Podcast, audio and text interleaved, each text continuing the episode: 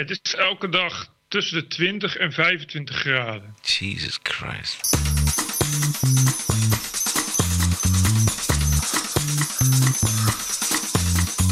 This is the TPO podcast. Ranting and Reason. With Bert Brusson and Roderick Phalo. Twee toppolitici op tv, maar geen spatje nieuws. Deradicaliseren zonder deradicaliseren. Dat kost een hoop geld en het kan alleen in Amsterdam. We hebben een eh, nieuwe held van de gelijkheid en een bonusquote voor iedereen die nog op vakantie wil, maar niet mag en al geweest is of nog gaat. Dit en nog veel meer in aflevering nummer 54. This is the TPO podcast. Bert, ben je nou op werkbezoek of ben je op vakantie? Eh, beide. Eigenlijk ben ik op vakantie. Maar werkbezoek is omdat ik hier eh, huis aan het kijken ben. Dus eigenlijk ook een soort werk, toch? Ja. Als je een nieuw huis zoekt. Ja. Hoe gaat het daar? Want je zit op de Canarische eilanden, één van de twee. één van de drie, één van de vier zelfs. Ik zit op Gran Canaria. Dat is uh, bij Nederlanders zeer geliefd. En ik zit uh, in uh, Las Palmas. Dat is ook meteen de hoofdstad van, van de, de meeste eilanden. De helft, de andere helft wordt dan weer bestuurd door Tenerife. En daar is een eeuwige strijd gaande tussen Tenerife en Gran Canaria. Zo'n beetje als wij een eeuwige strijd hebben tussen Ajax en Feyenoord. En Amsterdam en Rotterdam. Oké. De lente of de zomer is al begonnen daar bij jullie? Nou, vooral lente. Het is hier eigenlijk eeuwig lente. Als het hier in de zomer, vooral op Las Palmas, uh, ik zit, is in het noorden. En als de zomer hier komt, dan is het hier uh, altijd een eeuwig keurige 25 graden. Dat komt door de koele zeewind. maar als je in het zuiden, naar het zuiden van het uh, eiland gaat, dan kan het echt tot 40 graden zijn. Oké. Gisteravond was het het VVD-avondje bij de Nederlandse publieke omroep. De fractievoorzitter van de VVD, Klaas Dijkhoff, die was bij Twan Huis in College Tour. En premier Mark Rutte die zat bij Rick Nieman in WNL op zondagavond laat. Nou, Dijkhoff die was uh, aan het uitblussen van carnaval. En Rutte was zoals gewoonlijk geen vat op te krijgen. Maar waar het vandaag wel over ging, was dit. We hebben afgesproken om elkaar te tutoyeren. Want ja. we zeiden, ja, achter de schermen zeggen we eigenlijk toch altijd je en jij. Ja. Jij zegt eigenlijk altijd je tegen ook allerlei journalisten. Wij zijn meestal je tegen Je mij. tegen jou. Enkeling dus zegt excellentie, maar de meeste... Nou, nee, dat zullen er niet veel zijn. Dus voor de camera's is het dan meestal u. Maar ja, dat is dan ook weer een toneelstuk. Ja, we zeiden het is 11 uur 's avonds. Uh, mensen gaan daar naar bed. Laten we het nou een beetje ook ja, persoonlijk houden. Juist. Het gaat over tutoyeren tussen politici en journalisten. Uh, ook al is het nog zo transparant en helder afgesproken op televisie, uh, kan het, vind jij? Nou, in dit geval niet. Want dit was Rick Nieman bij WNL. Ja. Een programma van WNL. En WNL is toch een soort van... Um, ja, een, een televisieverlengstuk van de Telegraaf. Wat het een, een soort pro-VVD propagandaorgaan maakt. Uh, dat wordt heel vermoeiend. Dat is uh, de laatste maanden wordt het ook steeds vermoeiender en steeds duidelijker. Dus als je dan in dit geval heb je echt heel erg het idee dat je naar je hebt toch het idee dat je naar een van de voorgekookte praatjes zit te kijken. Wat toevallig heel goed uitkomt nu Halbe Zelstra naar aanhoudend ernstig liegen uh, het veld moest ruimen. Maar uh, via WNL moet er toch nog iets van de VVD gered worden... omdat de gemeenteraadsverkiezingen in aantocht zijn. Mhm. Uh -huh. En als je dan ook nog gaat, gaat je, je, je, je en, en jij... dan heb je toch een beetje het idee dat die twee elkaar ook nog eens keer op de play tegenkomen. Laat ik het zo zeggen. Ja. Dat, op, dan, op, de play komen ze elkaar niet tegen, maar wel gewoon in de wandelgangen. Ik ken Rutte ook en hij is buitengewoon amicaal, laten we het zo zeggen. Dus hij noemt ook heel veel journalisten je en jij. Is het dan wel noodzakelijk dat je het voor de camera elkaar niet tutoyeert? Nou, Kijk, het, het, het, probleem is, als je het niet doet, dan ga je dus inderdaad meteen krijgen van wat is het, wat is het voor een, voor een onder ons sfeertje. Mm -hmm. uh, dus, dus ja, eigenlijk moet het wel, maar ik ben een beetje dat ook aan de andere kant, uh, je ziet het namelijk ook wel eens gebeuren dat ze inderdaad u zeggen. Terwijl je denkt van ja, maar die mensen kennen elkaar. Weet je, wat is het voor een onzin dat, dat de hele tijd u wordt gezegd. Okay, maar, maar ik vind, ik vind in dit geval die distantie zou toch wel, toch wel handig zijn. En uh, ik vind sowieso, uh, ik weet, kijk, die Rutte is natuurlijk amicaal. Dat is toch iemand die als je hem tegenkomt, die als eerst zegt, zeg maar Mark hoor, weet je wel. Ja. Uh, maar ja, ik, hij zou toch als premier, zou, zou, zou, het, waarschijnlijk wat ze hadden moeten doen was zeggen van, van laten we elkaar niet tutoyeren. Dat je dat van tevoren zegt. Dus dat je zegt van wij kennen elkaar al, tutoyeren elkaar, maar speciaal voor dit programma tutoyeren elkaar niet. Dus zeggen we u. Ja. Dat zou volgens mij de beste manier zijn, want dan heb je als kijker ook niet het idee van waarom doen ze zo moeilijk door u te zeggen, maar dan weet je in elk geval waarom dat is. En dan heb je toch de juiste, de juiste distantie die wordt gecreëerd. Wij doen het ook, hè, eigenlijk. Als wij het hebben over Thierry Baudet, dan hebben wij het ook over Thierry. En dan zeggen wij bijna niet Thierry Baudet. Nou, ook, ik, kijk, bij, bij Thierry Baudet is het natuurlijk toch sowieso iets anders. Omdat we daar een hele andere afstand van hebben. En die jongen is natuurlijk ook, ook jong. En het is niet de premier. En dat is toch eh, bovendien... Nee, maar het is een politicus. Ja, en, en, en het is niet zomaar een politicus. Maar waarom zouden wij zelf niet ook die afstand moeten behouden? Nou, ik denk dat de luisteraars van onze podcast eh, het zouden vinden als we ineens u gaan zeggen tegen, tegen Thierry Baudet. Sterker nog, dat zou ik niet eens mijn strot uit kunnen krijgen. En dat heeft ook te maken met de manier waarop Thierry Baudet politiek voert natuurlijk. Uh, zit veel minder in de U-sfeer. Uh, en, en de manier waarop wij het programma maken zit daar natuurlijk ook veel minder in. Het is inderdaad typisch meer iets voor nieuwsuur om dan de hele tijd u te gaan zeggen. En dan denk je weer, waarom zeggen ze de hele tijd u? Thijs van der Brink van de Evangelische Omroep uh, op de radio die tutoieert nooit. Die zegt altijd u, ook als er collega-journalisten zijn. Ik ben daar wel eens bij hem uh, geweest uh, in dat programma. Ja. En dan en is het gewoon u. Nou ja, ik vind, maar dat, ja, dat, dat bedoel ik. Dit is een Thijs van de Brink. Is natuurlijk een, uh, een tekstboekkeurige journalist. Ook een hele goede overigens, daar niet van. Uh, en een programma als de EO, dat is, uh, een omroep als de EO is toch wel de omroep waar je mag verwachten dat er nog steeds heel veel wordt gemeneerd en geuut en met uh, twee woorden wordt gesproken. Maar vind jij dat er een richtlijn moet zijn? Moet, moeten we journalisten zich gewoon, ook al is het voor de camera of voor de radio, voor de podcast, ook als schrijvende journalist, moeten we niet, ons niet gewoon zeggen van nou, juist om iedere schijn van vriendschap en onderrondjes tussen politici en journalisten tegen te gaan, uh, moeten we gewoon afspreken. We gaan gewoon u zeggen. Nou, ik ben sowieso tegen richtlijnen. Ik ben niet uh, D66 en de EU zijn momenteel bezig met richtlijnen. Dus misschien kan dat er uh, bij worden gemaakt. Ja. Dus laten we dat vooral niet doen. Misschien kunnen we keurmerken maken. Ja. Dat we dan journalisten die u zeggen en journalisten die jij zeggen, dat we die verschillend kunnen bestempelen. Ja. En dat we dat voorleggen aan het ministerie van Waarheid in de toekomst. Goed idee.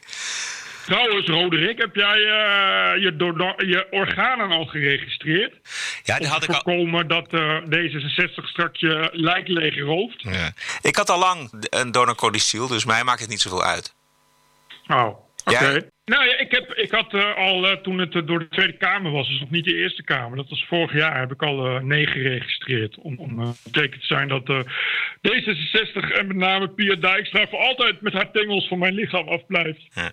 Je wilt ze niet geven, maar wil je ze wel ontvangen? Nou, heel graag, Roderick, graag. ik zou graag een leven van je willen.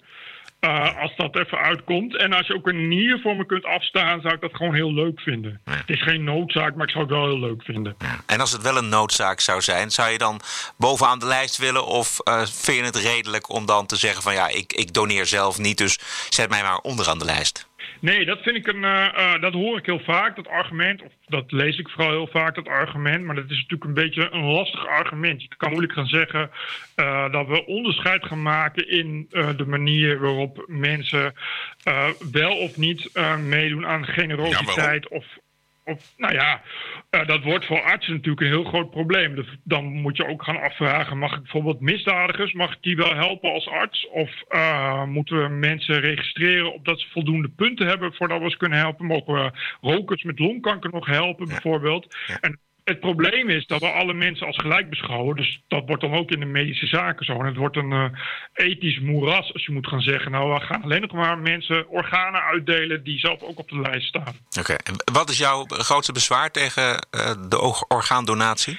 Uh, nou, uh, in dit geval vond ik het grootste bezwaar uh, ik, dat de D66 of dat de overheid ineens aan mijn lichaam komt. Ik vind het een schending van mijn lichamelijke integriteit. Mm. en ik vond het een uh, verder, uh, nou ik weet het niet. Ik heb uh, toch eerlijk gezegd het, niet het idee en het vertrouwen dat degene die mijn organen eruit halen, wat toch gebeurt als je hersendood bent, dus eigenlijk nog een soort van levend, daar zorgvuldig mee omgaan. Ik denk dat er heel veel medici er veel aan gelegen is om toch zo snel mogelijk organen te harvesten. En ik denk dat dat niet goed gaat.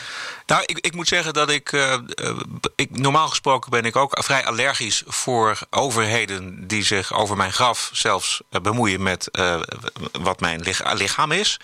Maar het gekke is, en dat heb ik me echt afgevraagd, ik heb daar zelf eigenlijk helemaal geen problemen mee in de praktijk. Want als ik dood ben, dan ben ik dood en dan mogen mensen, uh, ja, dan mag de, hoe sneller nieren en levers van mij iemand anders kunnen redden, dan vind ik dat prima. En de overheid gaat daar niet over. Ik bedoel, je kan altijd nog zeggen van nou, ik heb er, ik heb er geen zin in, ik doe het niet. Nou ja, het, kijk, het punt is uh, dat je misschien nog helemaal niet dood bent. Dat is, het probleem van organen is dat je ze alleen kunt harvesten uh, als, het, als het bloed nog stroomt. Dus als er nog voldoende zuurstof in die organen zit. Dat kan dus uh, alleen op het moment dat je hersendood bent, niet volledig dood, want dan klopt je hart niet meer en hebben die organen geen zuurstof meer. kijk, de medische wetenschap zegt dan nu als je hersendood bent, voel het niet, maar er zijn andere verhalen beschikbaar en er zijn andere ideeën over. Waarvan de vraag is of dat wel zo is. Of je dan inderdaad wel zo dood bent als dat, je, als dat er, er wordt beheer, uh, beweerd. Mm -hmm. en verder is maar dat verandert toch helemaal niet, Bert? Hoe bedoel je dat? Nou, uh, uh, ik ben bijvoorbeeld donor. mijn organen stel ik beschikbaar aan, aan anderen als ik dood ben.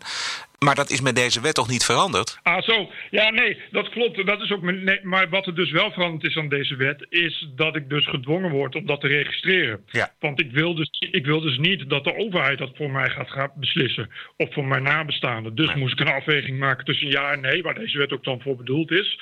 Uh, en voor mij viel het dan uit op nee. Dus dat, daar kunnen we over discussiëren of dat ja of nee is. Ik denk dat het grote probleem uh, gaat worden, dat, dat las ik vandaag ook, dat je gewoon al die mensen niet kunt bereiken. En nou ja, daar kom je volgens mij straks op een punt waarvan je gaat zeggen: is het eigenlijk wel zo oké okay dat de overheid zo'n beschikking heeft over zoveel uh, organen en zoveel lichamen, omdat mensen daar zich misschien helemaal niet van bewust zijn dat ze na hun dood worden liggen door hun eigen overheid. TPO Podcast. Het deradicaliseren kun je leren, maar niet in Amsterdam. De mensen die daarvoor waren aangesteld, die hebben er namelijk één grote bende van gemaakt. In de onderzoeken doemt een beeld op van een gesloten afdeling... waarbij weinig aandacht was voor toetsing en checks. Kennis werd te weinig centraal, open en transparant gedeeld en besproken. Het programma Radicalisering en Polarisatie is in bepaalde opzichten... te veel afgezonderd geraakt van de rest van de organisatie en de aanpak heeft niet altijd structureel de buitenwereld mee laten kijken. Ja, je zou zeggen het is een, typisch Amsterdams geval, maar dit kan dat deradicaliseren, dat geldt natuurlijk voor alle grote steden in Nederland. Uh, maar wat hier mis is gegaan, uh, dat is nog misgegaan onder uh, burgemeester Eberhard van der Laan. En het is heel erg misgegaan. Ik viel van mijn stoel. Ik viel hier bijna van de boulevard af. Ja. Want wie had dat nou verwacht? Een lieve stad vol met lieve mensen, waar onder leiding van der Laan natuurlijk alles fantastisch, fantastisch, fantastisch fantastisch ging. Zeker op deradicaliseringsgebied. Nou, uh, hij heeft niet gezegd dat het ging wel fantastisch. Uh, er, er, komt een beeld naar boven dat er te veel vertrouwen was. Het, het, zou allemaal wel goed komen. Maar Van der Laan heeft natuurlijk wel op een gegeven moment ingegrepen... en deze mevrouw naar huis gestuurd. Ik denk dat dat heel erg typisch is voor de Amsterdamse gemeente. Er wordt iets goeds gedaan, hè? althans dat wordt gedacht... en vervolgens wordt er niet meer naar omgekeken. Zo zijn er, is er heel veel geld over de balk in de afgelopen jaren. Onder andere toen Lodewijk Asscher hier uh, wethouder was. Dus er gaat met heel veel vertrouwen worden de ogen gesloten en kan de trein ontsporen. Ja, het is een typische PvdA-cultuur, denk ik. Of wat, denk ik. Het is een PvdA-cultuur van heb ik jou daar. Wij doen het goed, dus is het goed, hoe dan ook. En is inderdaad, je zou ook denken dat er toch uh, meer checks en balances zijn. Ja, en meer controle ook vanuit de gemeenteraad. Uh, om te controleren of dat allemaal goed gaat.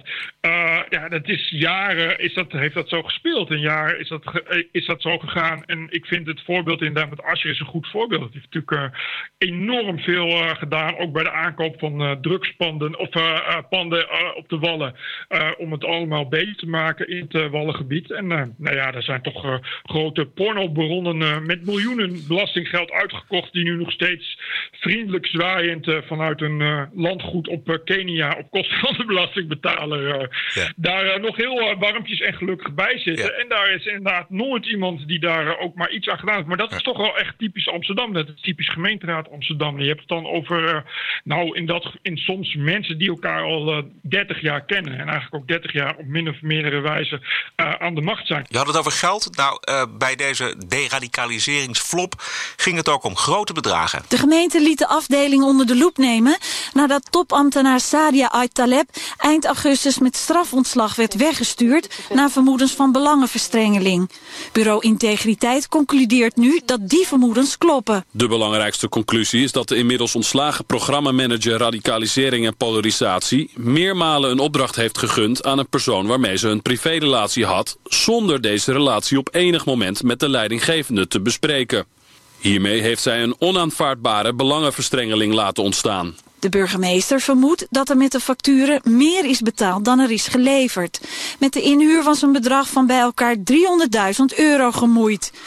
Juist, er is dus minder geleverd dan 300.000 euro. Je verwacht het niet. Ik, vind, ik krijg hier wel een beetje het gevoel bij dat dit nou uh, uh, iemand is die toevallig zo naar buiten komt. Ik denk dat dat uh, wel erg veel vaker gebeurt en ook wel voor grote bedragen. En echt niet alleen bij de radicaliseringsbestrijding. Ja. ik Volgens mij, als je, als, je dit, als je het hele ambtenaarapparaat gaat uitmesten... en iedereen weet wat voor een enorm puinhoop het is in Amsterdam... sowieso landelijk, maar Amsterdam is inderdaad altijd wel toch wel het toppunt van de puinhoop... kom je eigenlijk alleen maar van dit soort dingen uh, tegen op allerlei niveaus. Ik bedoel, ik vind echt uh, het verhaal uh, er zijn uh, mensen ingehuurd waarmee een privérelatie was. Als er iets veel voorkomt binnen de gemeentelijke ambtenaren, ambtenarij in, in gemeenten uh, door het hele land, is dat toch wel dat, lijkt me. Diederik Boomsma van het CDA die heeft een spoeddebat aangevraagd voor aanstaande donderdag. Diederik Boomsma, dat is die one-man CDA-zetel die dapper weerstand biedt tegen elke vorm van van, uh, van uh, corruptie, wat toch heel goed is met hem. Ik hoop dat hij uh, na de verkiezingen ook weer terugkomt als eenmanszetel. Ja. Moet, je, moet je misschien op hem gaan stemmen, Bert? nee, ik ga op Annabel stemmen. Oké, okay, dat dacht ik wel. Kan ik eindelijk een keer op vrienden stemmen in de politiek? En dan ga ik dat doen ook. Ranting and Reason. TPO Podcast.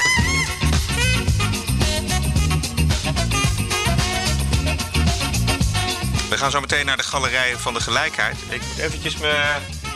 Doet je galm het? Ja, de galm doet het, maar ik moet ook eerst eventjes mijn trap nog hebben. De keldertrap nog. Oh ja. Dat was ik vergeten.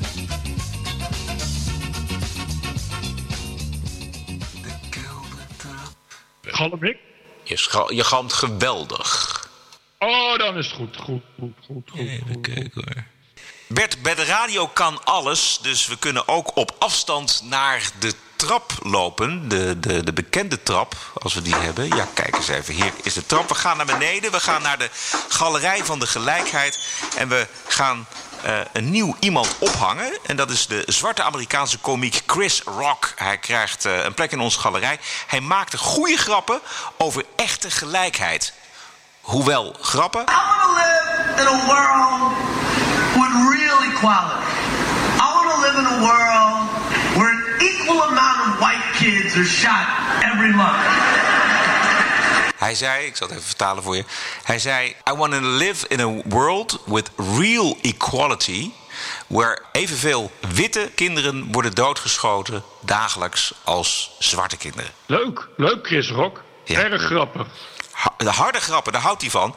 Uh, hij is al een keer uitgejouwd door het publiek om zijn politiek incorrecte opmerkingen over MeToo.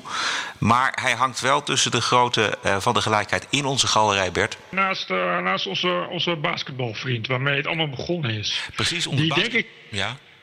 die denk ik eigenlijk niet te overtreffen is. Met zijn equality schoenen. Nee, Nee, dat lijkt me. Als je equality schoenen hebt als, als multimiljonair sportster, dan ben je gewoon nooit meer te overtreffen in, in gelijkheidsonzin. Nee, precies.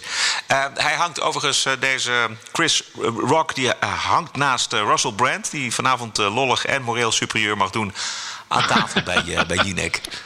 Dat is. Uh, ik, Jinek vind ik toch sowieso al een verschrikkelijk programma. Maar als je dan leest als Russell Brand komt, dan hoef je al niet meer te kijken. Want dan weet je inderdaad wel een beetje hoe zo'n zo'n programma eruit gaat zien. Dan gaan we inderdaad gewoon geforceerd lachen. Terwijl die eigenlijk helemaal niet zo grappig is, omdat hij vooral moralistisch is. Maar dat vinden we dan natuurlijk allemaal oké. want hij kan natuurlijk allemaal leuke grappen maken over het Nederlandse systeem. En over Wilders en over Thierry Baudet. Let maar op. Let, ja, let maar op. En over Trump natuurlijk. En over de Brexit. Uiteraard. En over dat soort zaken, ja. ja. We gaan weer naar boven, Bert. Ga je mee? Ja. Oké, okay, goed zo. Want wij hebben nog uh, iets anders. We hebben nog een bonusquote natuurlijk. Maar misschien heb jij nog iets mede te delen uh, van uh, de Canarische eilanden... wat wij absoluut moeten weten, Bert. Uh, nou ja, ik heb uh, uh, mijn huis verkocht, dus in Amsterdam. en degene die het koopt is dus ook Spanjaard. Uh, die komt uit het noorden van Spanje. Uh, en die, uh, in tegenstelling tot ik ga Nederland ontvluchten, is hij juist Spanje ontvlucht. en ik vroeg hem waarom. En hij zei, nou ja, dit is echt extreem corrupt, de regering hier. en het koningshuis dus in Spanje is dus ook extreem corrupt. Althans, extreem corrupt heeft toch een, een soort van, uh, ja, weet je wat Bernard deed, maar dan een keer tien, laat ik het zo zeggen. Dus uh, ongeveer de helft van Spanje ook haat het Koningshuis. En dat vond ik zo grappig, omdat in Nederland uh, het Koningshuis, het is een soort truttige aangelegenheid van iemand die af en toe met een handje komt wuiven. en dat doen we dan nog moeilijk als hij dan, weet je, hij betaalt natuurlijk geen belasting en dat soort onzin. Maar hier is het inderdaad echt, ja, die koning heeft ook gewoon nou banden met alle grote industrieën. en de politiek hier is inderdaad echt achterlijk corrupt. Als je dan elke elke Spanjaard vraagt, het eerste wat ze zeggen is, is ja, corruptie. Het is gewoon hier geen politicus die niet corrupt is. Het is, en, het is een. Um, ja, het is een soort, soort half Italië hier. Dat viel me nogal op. Als je met de mensen praat, zeggen ze ook... Het onderwijssysteem is echt bizar slecht. Niemand kan hier ook Engels. En dan vraag ik van waarom kan hier niemand Engels? Zeggen ze, ja, we hebben ook een ontzettend kut onderwijssysteem. We leren toch nooit Engels. Nee. Uh, en, en inderdaad, politici, dus echt... Als je de Canarische couranten... De laatste keer dat ik hier was, 2015 was dat geloof ik. was niet de laatste keer, maar toen heb ik daar ook de couranten gelezen van hier. Uh, toen waren er ook gemeenteraadsverkiezingen... en corruptiebestrijding is uh, eigenlijk het enige agendapunt. Uh, en de mensen hier zijn zo cynisch dat ze weten op wie ze stemmen. Die is ook alweer een soort, soort ja, Spaanse versie van zoomen, laat ik het zo zeggen. Ja. En je hebt er geen enkel probleem mee om zeg maar, het half corrupte Nederland om te wisselen voor het heel corrupte Spanje. Nou, dat is dus het mooie, dat als je dan hier als Nederland, uh, Nederlander zit, je hebt daar toch geen weet van. Dus het interesseert je toch niet. Maar misschien heb je wel, uh, als je hier tien jaar zit en je moet hier gaan stemmen en je volgt dan de politiek, dat je denkt van waar ben ik aan begonnen? Maar goed, het heeft ook een hoop uh, voordelen. We hebben hier bijvoorbeeld geen VVD. Speciaal voor Bert en voor iedereen die nog op vakantie wil en ook toe is aan een break. En, de bonusquote is vandaag van Michael Savage. All right, let's go to the calls. There was a rush to get train tracks built. We got a call coming in from K. Eugene in Oregon. Bob, how much time do I have left? I got. Oh, I can take the call without gagging on another uh, either lunch or an ad or a, it's unbelievable. What would life be like after radio? Will I actually be able to talk without breaking for an ad? No, I love my ads. Don't get me wrong; they keep the show going. God bless every one of my advertisers. But I'm trying to think. When I talk to people, I actually take breaks for an ad. They ask me why I stopped talking. I said because it's time for a live read, or it's time time for an ad cluster. I do. It's terrible. I even dream with uh, breaks in, in, between my dreams. I got long spaces between my dreams now, waiting for ad clusters to be inserted by whoever does my dreams for me. oh yes, that's why Mike needs a break. Bob on K Eugene up in Eugene, Oregon, line two. You're on the Savage Nation. What's on your mind? Wat een baas. Ja, is goed. Hè? Dromen met, uh, met, met, commercial breaks erin. Ik heb, ik heb dat ik elke nacht uh, droom. Dat, dat heeft altijd iets met, met computerschermen en internet te maken. Oh, serieus. Ja, Ja, dat is echt, als je daar intensief mee bezig bent. Nou, ik heb echt ja, altijd, altijd iets met, met een website. Ik heb daar ook gehad, dat uh, twintig jaar geleden heb ik heel veel getetris. Tetris is echt zo'n verslavend spelletje. Uh, dat is hetzelfde. Op een gegeven moment gaat je hele wereld, zag, mijn hele wereld zag op een gegeven moment ook echt uit in blokjes. Op een gegeven moment had ik ook echt het idee dat ik in, in, serieus in blokjes zat te poepen. Die dan in elkaar konden passen. Weet je, dat idee, dat is wat je krijgt. Moet heel eerlijk zeggen, ik ben de afgelopen drie, vier dagen bezig geweest met uh, de Skype-verbinding uh, digitaal te krijgen. En ik, nou, dat is niet gelukt. We zijn nu weer op een ouderwetse manier analoog aan het opnemen, deze podcast. Maar het euvel zat hem in de Oaks 2. En ik, ik kreeg de Oaks 2 niet goed. En ik geloof dat ik wel vannacht heb gedroomd over de Oaks 2. Nou ja, dat is serieus. Dat ga je krijgen. Je kan, als je de hele dag mee bezig bent, dan ontkom je naar. Ik weet niet hoeveel, hoeveel neemt die Savage op? Wat, hoeveel maakt hij? Hij doet, uh, even kijken, iedere dag een show. En dan doet hij volgens mij netto. Uh, blijft er maar twee uur over. En dan wordt het, en het laatste half uur is ook weer herhaald. Um, nou ja, de laatste tijd, maar dat komt ook omdat hij op leeftijd is, is, uh, is hij regelmatig met vakantie. Oh, hoe oud is hij dan? Hij loopt al tegen de 70. Oh, dat is inderdaad al serieus ja. oud. En ik bewaar al zijn podcast, eh, Bert. Dus dan kunnen we mooi uh, nog eens een keertje een avondje Michael Savage luisteren. Heel een goed idee. En dat is een goed idee. Uh, Bert, wanneer ben je weer terug? ik vlieg zaterdag weer terug. mits de piloot van Transavia niet staken. Tot zo bij deze aflevering nummer 54. Als u deze podcast en dit geluid wilt ondersteunen, dan hebben wij dat buitengewoon graag. Subsidie hebben wij nooit gevraagd of gekregen. We moeten het hebben van uw gulle hand. Ga naar tpo.nl slash podcast en doneer de waarde die deze podcast voor u heeft. En wij zijn terug op dinsdag 27 februari met Bert terug hier in de studio. Graag tot dan. TPO Podcast. Bert Brussen, Roderick Balo. Ranting and Reason. Het probleem is niet het referendum, voorzitter, maar het probleem is bange politici. Een hooghartige elite die het beter denkt te weten dan gewone mensen. En een volksvertegenwoordiging die bang is voor het volk is geen volksvertegenwoordiging. Die dient andere belangen, verkeerde belangen.